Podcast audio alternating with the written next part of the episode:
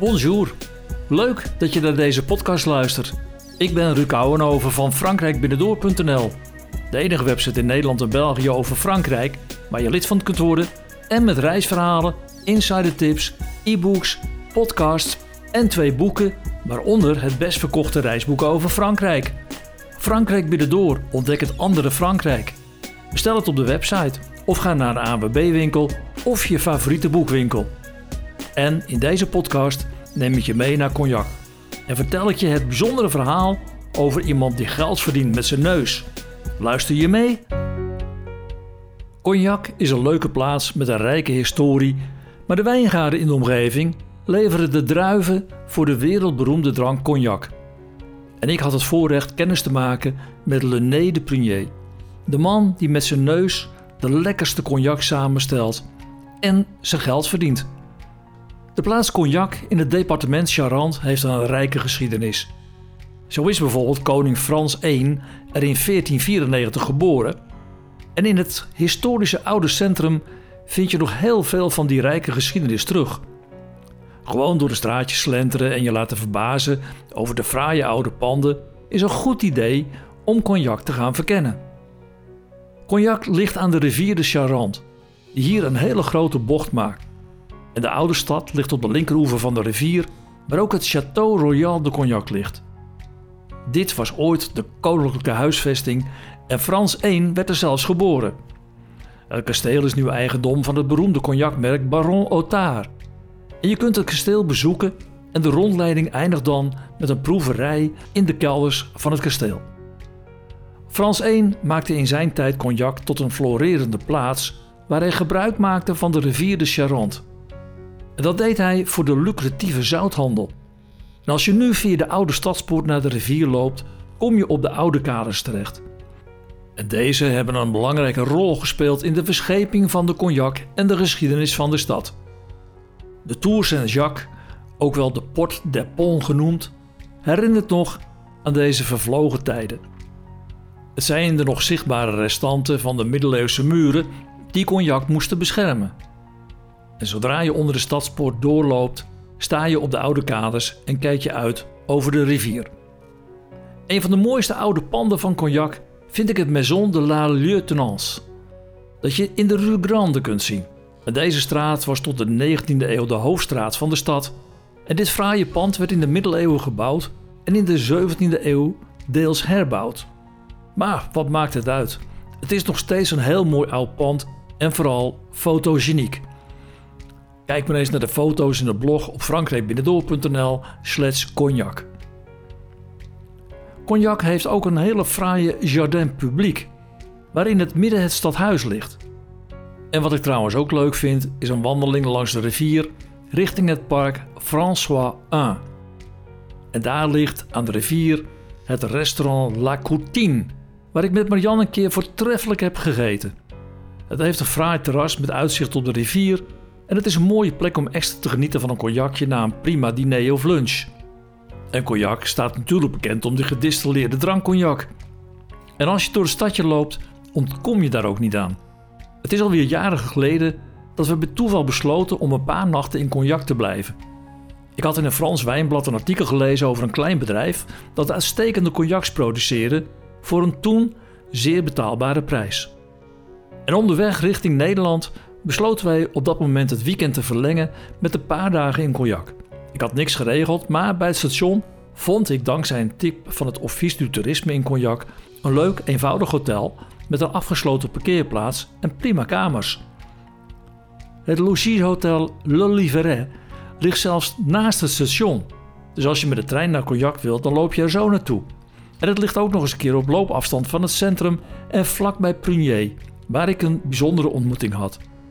En daar hoor je zo meteen meer over. Op een maandagmiddag ging ik samen met Marjan naar Prunier aan de Rue Lyons-Laval. En bij de receptie vroeg ik of wij een cognacproeverij konden doen. En dat kon. Tenminste, als we even geduld hadden. En even later kwam er een vriendelijke man die ons alles uitlegde over cognac. Hij vroeg waar wij vandaan kwamen. En toen ik vertelde dat wij in Nederland kwamen en in de buurt van Maastricht woonden, was hij een en al oor. Hij stelde zich voor als Stéphane Bunet, Le Nez de Prunier, oftewel de neus van Prunier. En wat dat inhield, zou later tijdens de ontmoeting blijken. Maar dat vertel ik je zo meteen wel. Stefan vertelde mij dat hij ook een wijnhandel in Limburg kende die klant was van Prunier en dat er wel vaker in Nederland en Limburg kwam. En op de een of andere manier schiep dat een band, want niet veel later nodigde hij ons uit voor een kijkje in wat hij noemde zijn geheime domein. We liepen nieuwsgierig achter hem aan en stonden even later in een soort keukentje waar het werkelijk wemelde van de kleine en grote flessen cognac. En op deze plek kreeg ik samen met Marjan een masterclass cognac ruiken en proeven, die ik mijn leven niet meer zal vergeten. En omdat Marjan cognac niet lekker vindt, had hij voor haar iets speciaals. De Prunier Liqueur d'Orange au Cognac. Een zes maanden op eikenhouten vaten gerijpte sinaasappellikeur. Als je de foto's van het keukentje wil zien met al die flesjes, dan moet je even naar frankrijkbinnendoor.nl slash cognac gaan. Het Maison Prunier in Cognac is een familiebedrijf sinds 1769. En vertelde over de rijke geschiedenis van het Maison Prunier, dat dus al sinds 1769 bijzondere selecties eau de vie maakt.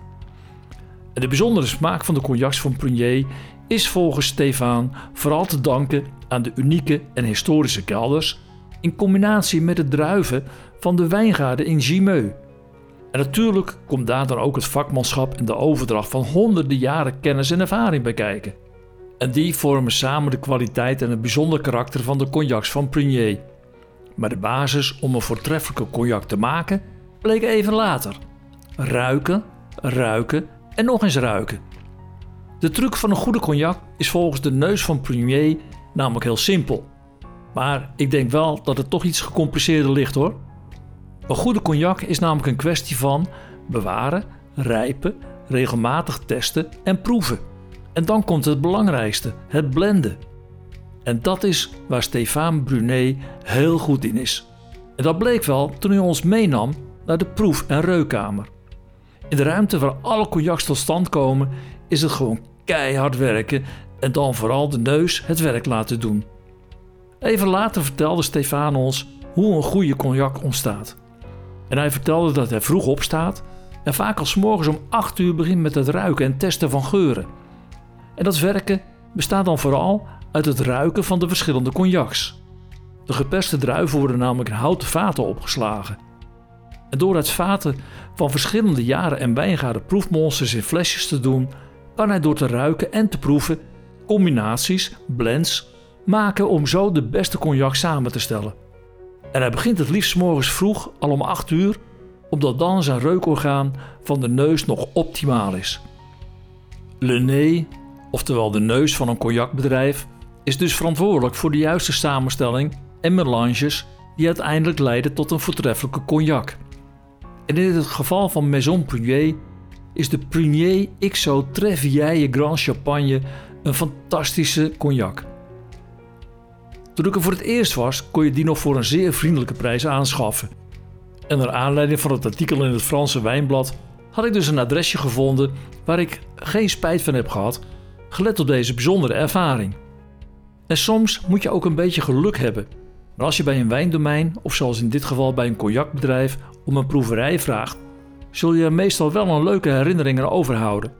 En in dit geval had ik dus samen met Marjan een extra ervaring die onvergetelijk was, maar ook nog een heel bijzonder vervolg kreeg.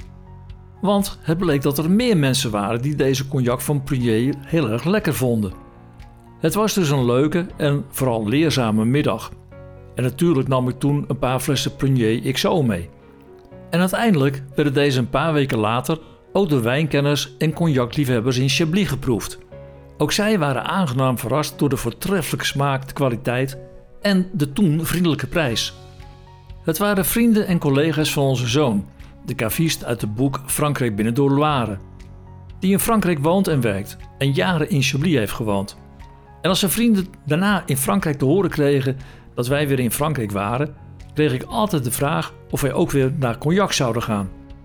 En als we die richting opgingen was dat nooit een probleem, want we maakten er graag een omweg voor om weer een paar leuke dagen te beleven en wat flessen cognac in te slaan.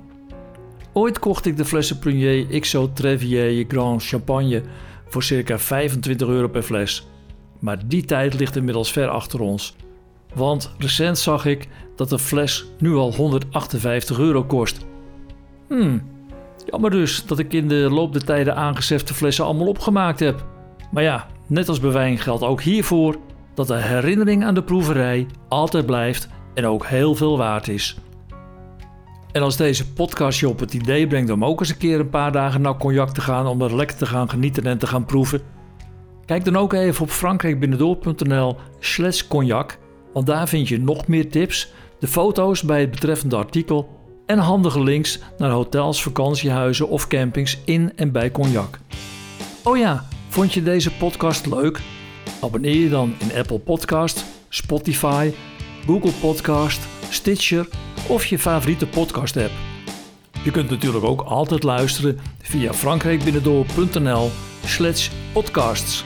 Tot mijn volgende podcast.